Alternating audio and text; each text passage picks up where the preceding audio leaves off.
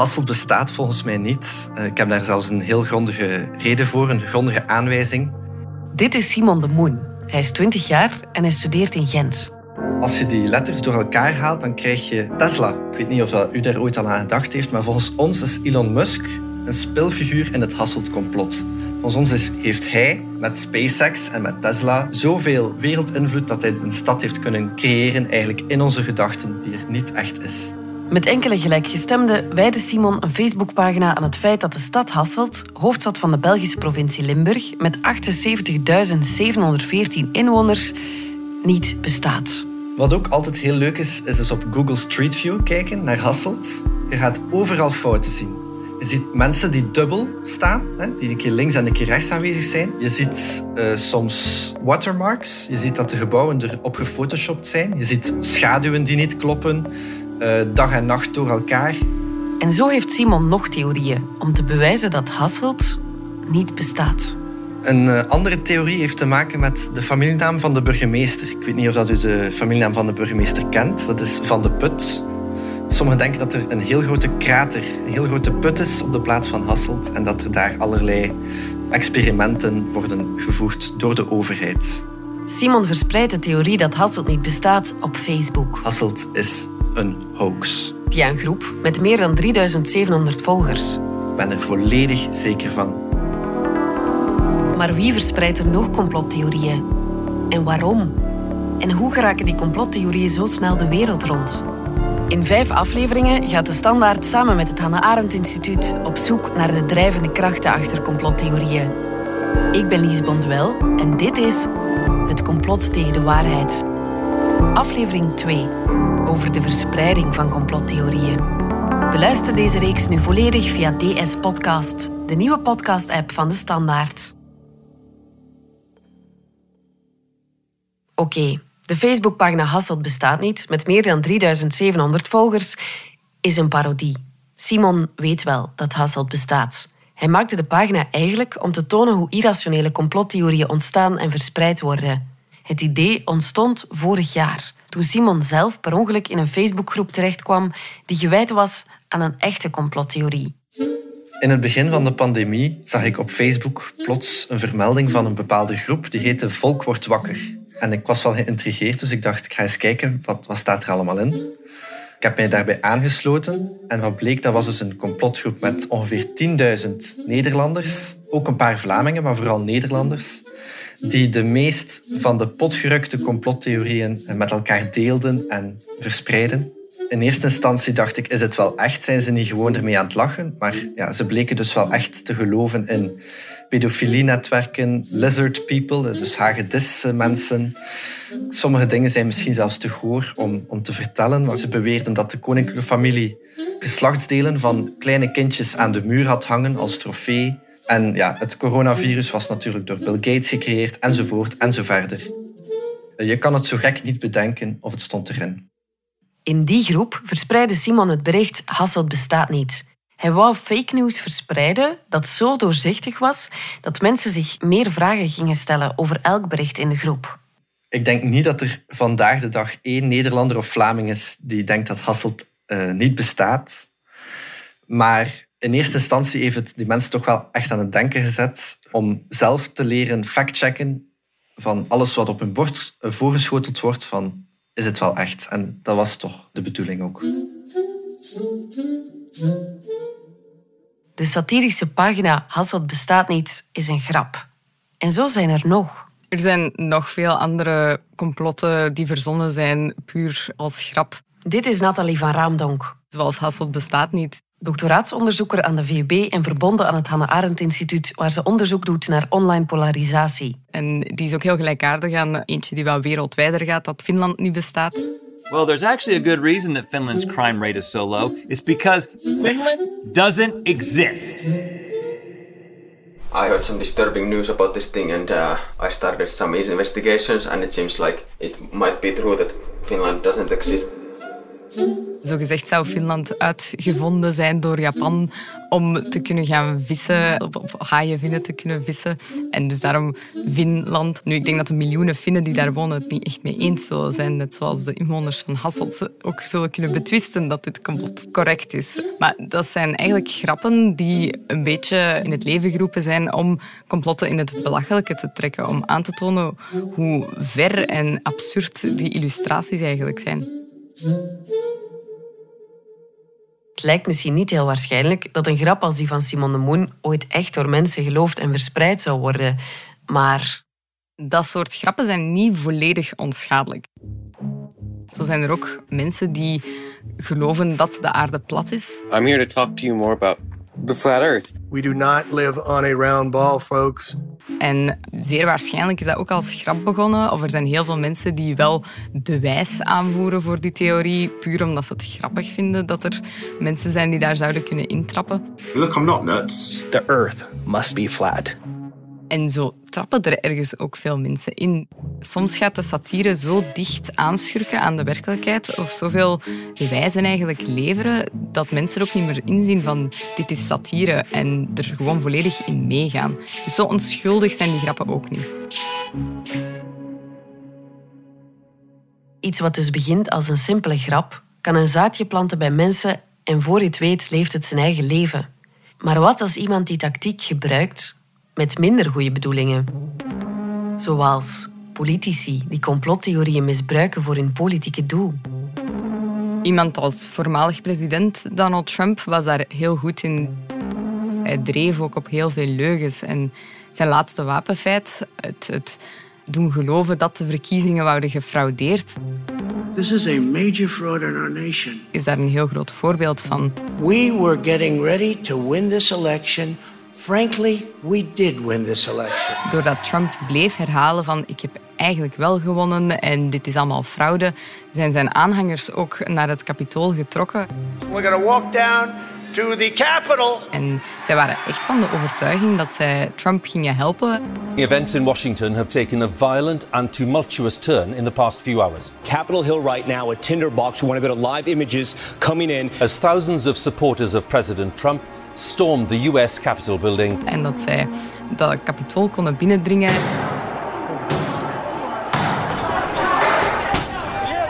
En een coup konden plegen. I call on President Trump to go on national television now and demand an end to this siege.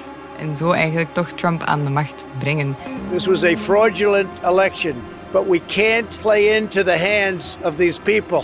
Dat is een heel duidelijk voorbeeld van politicus die goedgelovige mensen inzet en zo misbruik maakt van dat complot. Maar machtshongerige politici zijn niet de enigen die complottheorieën misbruiken. Ze komen ook secteleiders van pas. Mensen die proberen om een gemeenschap onder hun invloed te krijgen. Zoals ook extremisten.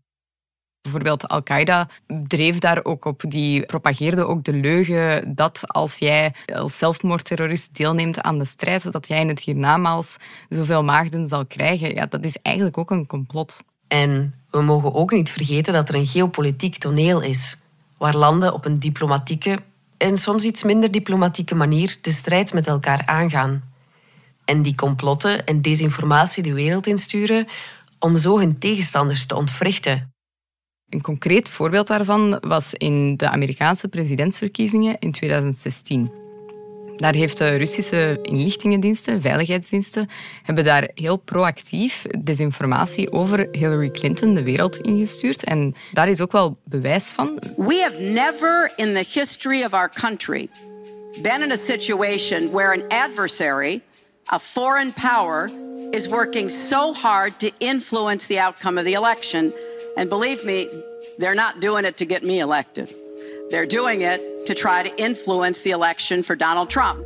We hebben geen bewijs van hoe efficiënt en hoeveel impact dat, dat heeft gehad. Maar er zijn wel bewijzen dat dit gebeurd is en dat dit soort strategieën gebruikt worden. En het doel daarachter is dus eigenlijk om te zorgen dat ten eerste de maatschappij een beetje ontwricht wordt, dat de realiteit van dat land, van je tegenstander, ontrafeld wordt. En daarnaast ook dat er een kandidaat verkozen wordt. Dus Donald Trump werd dan verkozen. Well, that's because he'd rather have a puppet as president of No the United puppet, States. no puppet. And Wat ook voor Rusland goed uitkwam, want dit was niet echt een heel sterke kandidaat. Iemand als Hillary Clinton had misschien veel sterker tegen Rusland opgetreden. Dus om dan eigenlijk mee te zorgen dat een kandidaat als Trump verkozen wordt, halen zij er eigenlijk politiek gewin uit. En dan zijn er de profijtzoekers. Mensen die geen enkel ander belang hebben bij het verspreiden van verhalen dan dat ze er geld mee verdienen. Bijvoorbeeld door advertenties. Zoals bij diezelfde Amerikaanse verkiezingen vier jaar geleden. De presidentsverkiezingen van 2016, die waarbij Donald Trump verkozen werd uiteindelijk, bleek dat eh, vanuit Macedonië meer dan 150, maar misschien zelfs nog meer dan dat, op de Verenigde Staten gerichte nepnieuwssites bestonden. Deze man is Roland Termote, buitenlandsjournalist bij De Standaard. En wanneer Amerikaanse journalisten die gingen traceren, dan bleek dat heel veel van die sites uit Veles kwamen. En Veles is een provinciestadje van 45.000 inwoners. Dus eh, klein en dat was heel opmerkelijk. En die sites die stonden eigenlijk vol met nepstukken over de Amerikaanse verkiezingen, die daarop inhaakten, of over thema's die daaraan gerelateerd waren. Die eigenlijk vaak ja, Trump-supporters aanspraken, vaak ook eh, neerkwamen op samenzweringstheorieën of argwaan zaaiden over de verkiezingen zelf. Uiteindelijk bleek het te gaan om een vrij goed verdienmodel voor een aantal lokale tieners daar. Dus wat zij eigenlijk deden was kliks verzamelen. En die kliks die kon je verzilveren via advertentiebanners. En op die manier verdienden ze geld. Maar ondertussen, aan de andere kant van de oceaan in de Verenigde Staten, bleek dat uiteindelijk wel flink wat kiezers te verwarren. Want zij zagen dit soort sites en nieuws natuurlijk voor echt aan. Er kwam dan ook veel kritiek op de websites. Maar niet alleen op die websites, ook op Google en Facebook, die uiteindelijk het mogelijk maakten eh, dat die websites floreerden. Want via Facebook werden ze verspreid. Google zorgde ervoor via advertentiewerk van Google dat het ook iets opbracht voor die tieners. Dus eh, dat zij hun kliks echt konden verzilveren. Nu, voor de websitemakers zelf leek het eigenlijk amper of niet om de inhoud te gaan. Integendeel. Sommige van die gasten die waren voor de Amerikaanse verkiezingen bezig met iets heel anders, zoals eh, het aanprijzen van vitaminepreparaten bijvoorbeeld. Of met eh, andere verhalen, zolang het maar aansloeg en, en, en kliks genereerde. Dus eh, ja, whatever works eigenlijk. Roland Termote ging uiteindelijk in 2016 met twee initiatiefnemers van zo'n nepnieuwsite spreken. Maar ik heb toen zelf gesproken met twee Macedonische websitemakers. Die kwamen niet uit Veles, maar wel uit Skopje, de hoofdstad van Macedonië. En die heten Andrei en uh, Tomislav. Een van de twee was een rechtenstudent en de andere was afgestudeerd juist aan de politieacademie. En zij hadden een website en die heette theusualroutine.com. En die was opgestart ja, ergens rond het begin van 2016, zeiden ze.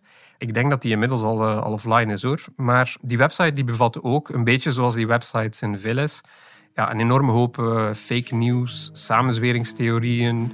En alles werd dan samengebald in één grote complotwolk eigenlijk. Sommige gewoon vreemd en grappig. New Age, kijk hoe artsen een tumor genezen via meditatie. Tot hardcore samenzweringstheorieën. Mensen met rhesus-negatief bloed zijn mogelijk aliens. Rusland waarschuwt Trump, de elites plannen jouw moord. Met die online complotwolk trokken ze niet zomaar een klein verwaarloosbaar aantal bezoekers. 1,3 miljoen bezoekers per maand, geloof ik. En meer dan een kwart daarvan kwam uit de VS. Dus ja, ook zij moesten echt wel inzetten vanuit Skopje op de VS als, uh, als bron van inkomsten. De vraag is natuurlijk, waarom doe je dat? Waarom stuur je dat soort valse Engelstalige berichten via het internet de wereld rond? Roland vroeg hen of het een manier was voor hen om geld te verdienen. Wat ze gewoon wilden was materiaal over, en ik quote, over wetenschap, gezondheid, technologie en vrolijkmakend nieuws dat we zelf fijn vinden. Dat is wat ze wilden delen. En wat hun, naar eigen zeggen, onderscheiden van die tieners in VLS, die gewoon geld wilden verdienen, was dat de meeste inhoud van een website iets was waarin ze zelf geloofden en dat ze zelf wilden plaatsen. En ze wilden zelf ook helemaal geen makers van nepnieuws genoemd worden. Dat was een oneerlijke categorisatie, vonden ze. Tegelijk verdienen ze natuurlijk wel veel geld via advertenties, juist zoals die tieners in VLS. Maar naast centen verdienen, zoals die tieners in Veles, was het hen ook om een andere reden te doen. Naast het puur financiële kwam er ook wel zo'n aspect naar voren van ja, dit is iets creatiefs en eigenlijk een soort van station in een loopbaan. Want uiteindelijk was het een eigen onderneming. En een van de twee, uh, André, zei toen... Uh, ja, mensen als wij doen dit omdat wij helemaal geen 9-to-5-job willen. Maar we willen iets voor onszelf doen en iets dat, dat van onszelf is doen. En, en André zei daar ook bij dat hij gefascineerd was door alles wat hij omschreef als social influencing. Daar wou hij beter in worden. En uiteindelijk wou hij digital marketing gaan studeren als Stefkes in Nederland. Om dan een marketingbedrijf uh, te starten. Dus ja, wat leek hem te drijven? Ik zou zeggen een combinatie van speelsheid, winstbejag, maar ook gewoon ondernemersvreugd.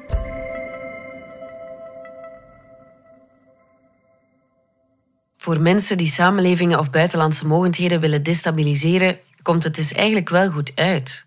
Als buitenlandse mogendheid je propaganda op zo'n manier in de markt zetten dat je niemand rechtstreeks hoeft aan te sturen. Dat is de echte kunst natuurlijk. Het ideale scenario is juist dat mensen uit eigen wil desinformatie gaan verspreiden. En dat ze op die manier de hele ketting zelf in stand houden. En die ketting die kan blijven lopen, enerzijds door de manier waarop sociale media en, en ook het internet in elkaar zitten, maar ook door de manier waarop wij zelf als mensen in elkaar zitten.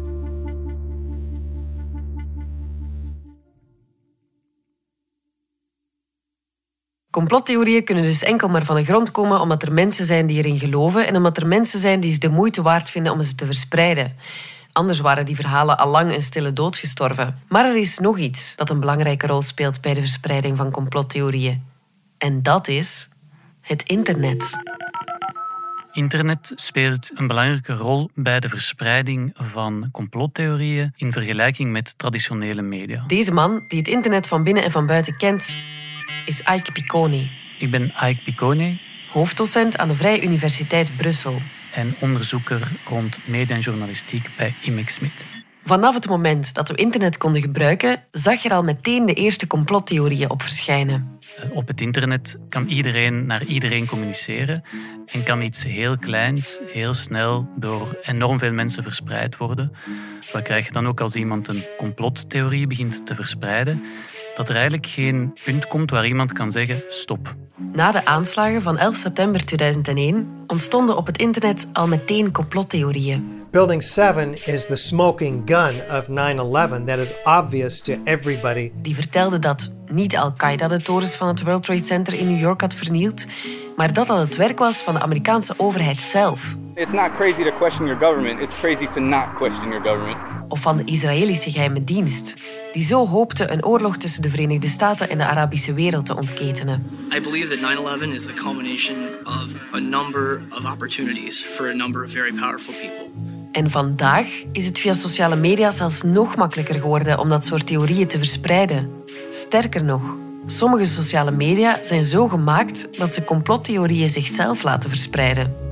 De bedoeling van YouTube is om geld te verdienen aan advertenties. Dat kan je alleen doen door zoveel mogelijk kijkers te hebben. Op een gegeven moment bouw je dus een algoritme dat een doel heeft mensen aan het scherm gekluisterd houden. En daarom bieden ze dus filmpjes of posts aan waarvan het systeem weet dat jij ze interessant vindt, waardoor je zal blijven doorklikken. Of dat gebeurt met informatie of met loze filmpjes of content die er helemaal niets te doet, dat maakt het algoritme niet uit. En ook YouTube maakt het op zich niet uit, zolang dat jij maar aan het scherm gekluisterd blijft en dat zij daar reclame kunnen blijven vertonen. Dat is goed nieuws voor jou, want je krijgt nog meer content te zien die je al leuk vond. En dat is heel goed nieuws voor YouTube, want hoe langer jij blijft kijken, hoe meer ze verdienen aan advertenties. Dus win-win. En dan zie je natuurlijk dat je gemakkelijk in desinformatie terecht kan komen of met fake nieuws geconfronteerd kan worden, omdat het op zich niet zoveel uitmaakt voor YouTube hoe dat zij jou aan het scherm gekluisterd houden.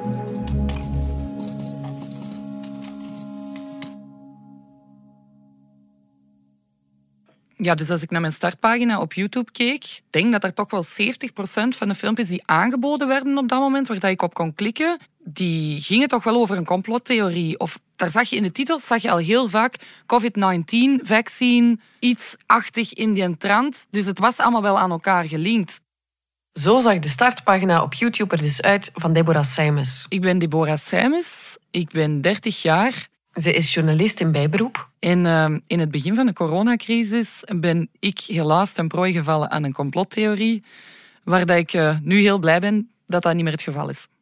Tot voor kort had Deborah extreme twijfels bij het coronavaccin. Ik was er eigenlijk bekend heilig van overtuigd dat als je een vaccin zou zetten, dat je ter plekke dood zou neervallen, om het zo te zeggen. Twijfels die ze ondertussen als complotdenken omschrijft. Wat absurd is nu als ik erover nadenk. En hoe meer ze daarover opzocht, hoe meer filmpjes over complottheorieën YouTube haar voorschotelde. En vervolgens kreeg hij heel schoon een tabbladje mee. Hier, voilà, deze filmpjes kun je allemaal bekijken. Maar de waarheid zit er niet meer tussen. Hè. En ik vind het eigenlijk best wel fucked up dat een algoritme zo werkt dat ik daardoor eigenlijk nog meer van die content te zien krijg en dus minder feiten te zien krijg en het steeds moeilijker voor mij wordt om nog het onderscheid te maken. En zo rol je dus in de zogenaamde rabbit hole. Dat betekent dat je eenmaal in die zaken terechtkomt, dat het algoritme zeer goed weet wat het jou nog moet voorschotelen. En voordat je het weet, krijg je het ene antivax filmpje na het andere. En dat proces kan snel gaan. Ik ben gestart van het filmpje waarin dat de mogelijke bijwerkingen van een covid-vaccin werden besproken. En dat filmpje bekeek ik en dat was eigenlijk vrij onschuldig. Er werd aangegeven, er kunnen een paar bijwerkingen optreden bij een eh, covid-vaccin, wat heel normaal is. En in vier klikken ben ik beland op een filmpje van een of andere professor die claimde dat er een chip werd ingespoten in mijn vaccin daarmee was het voor mij wel heel duidelijk hoe snel dat je in een complottheorie verzeild kunt geraken en hoe weinig kliks dat je daarvoor nodig hebt. Nu, waarom hebben sociale media zoals YouTube zo'n algoritme beest gecreëerd dat mensen doet verdwalen in filmpjes die hen misleiden? YouTube en de andere sociale media hebben nooit als doel gehad om complottheorieën te gaan uh, verspreiden. Wat je hen misschien wel kan aanrekenen, is dat ze onvoldoende aandacht hebben besteed aan die negatieve effecten dat hun algoritme zou kunnen hebben. In die zin hebben ze dit ontwikkeld met een zuiver commerciële logica. En hebben ze gewoon niet echt nagedacht over wat het potentiële gevaar zou zijn. Wil dat dan zeggen dat we sowieso met complottheorieën geconfronteerd worden vanaf het moment dat we op YouTube zitten rond te scrollen? Dat het een mijnenveld is vol complotvideo's? En dat we, voor we het goed en wel doorhebben, in zo'n nauwe tunnel belanden in de rabbit hole. Dat is op zich wel belangrijk om, om mee te geven dat die eerste stap heel belangrijk is. Dus als iemand jou een filmpje doorstuurt waarin complottheorie zit en je klikt daarop, dan zal je heel snel in die rabbit hole of in die uh, fabeltjesfuik terechtkomen. Er moet wel een aanzet zijn, er moet wel een reden zijn dat het algoritme heeft om jou die complottheorieën te beginnen voorschoten. Het is dus niet zo dat je vanaf dat je op internet gaat een vogel bent voor de kat, een prooi voor complotverspreiders. Maar stel nu dat die complottheorieën niet enkel online hun weg vinden. Mensen met slechte bedoelingen die foute informatie uitsturen, die willen natuurlijk dat hun informatie zo wijd mogelijk verspreidt en zoveel mogelijk gehoord wordt. Die mensen willen natuurlijk graag dat hun informatie wordt opgepikt door de traditionele media. Als het op complotdenken aankomt, is dat wel een gekende tactiek om wat we noemen media hacking te doen. Ze zorgen er dus eigenlijk voor dat het soms zodanig over de top is dat een krant of een journaal erover zou berichten en dus eigenlijk ook gewoon een platform geeft aan die ideeën. Dat moet niet zozeer kwaadaardig zijn. Soms willen die mensen ook gewoon dat er meer aanhang is. Ik ben geen antivaxer. Ik ben een bezorgde burger en ik heb vragen. Dus uh, ben daarvan bewust en neem de moeite om jezelf te verdiepen in de materie. Maar het is wel effectief zo dat het um, zorgt dat er meer mensen ingezogen worden, omdat het een, een breed platform krijgt. Dat is een heel moeilijke balans voor media. Moeten we daar nu iets over zeggen of moeten we dat doodzwijgen?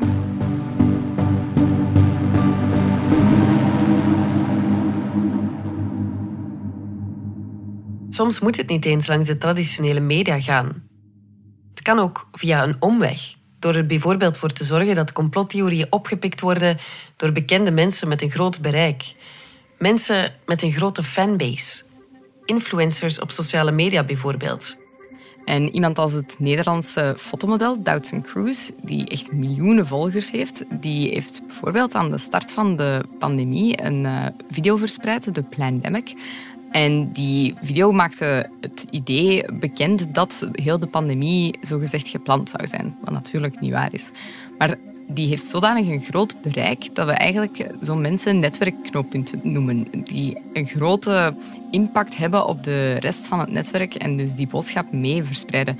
En door dat soort mensen moet er eigenlijk niet via de traditionele media informatie verspreid worden. Wat ze ook proberen is de meerderheidsillusie kweken. Als je het idee krijgt dat er best veel mensen in die informatie geloven en ze delen, ja, dan zal er toch wel iets van waar zijn.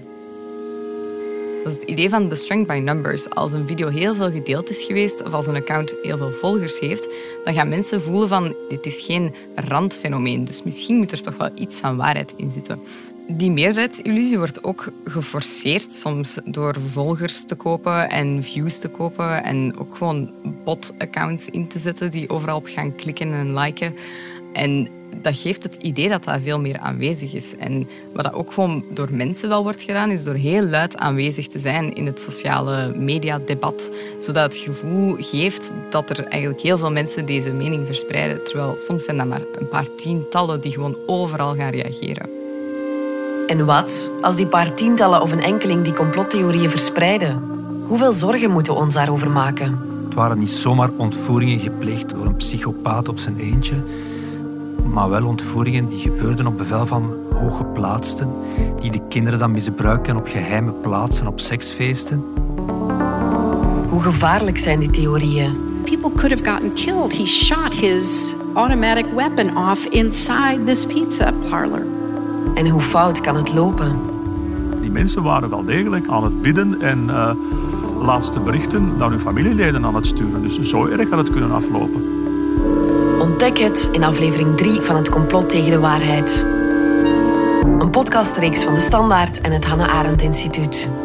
Wil u deze aflevering al onmiddellijk beluisteren? Dat kan via DS Podcast, de nieuwe podcast-app van De Standaard.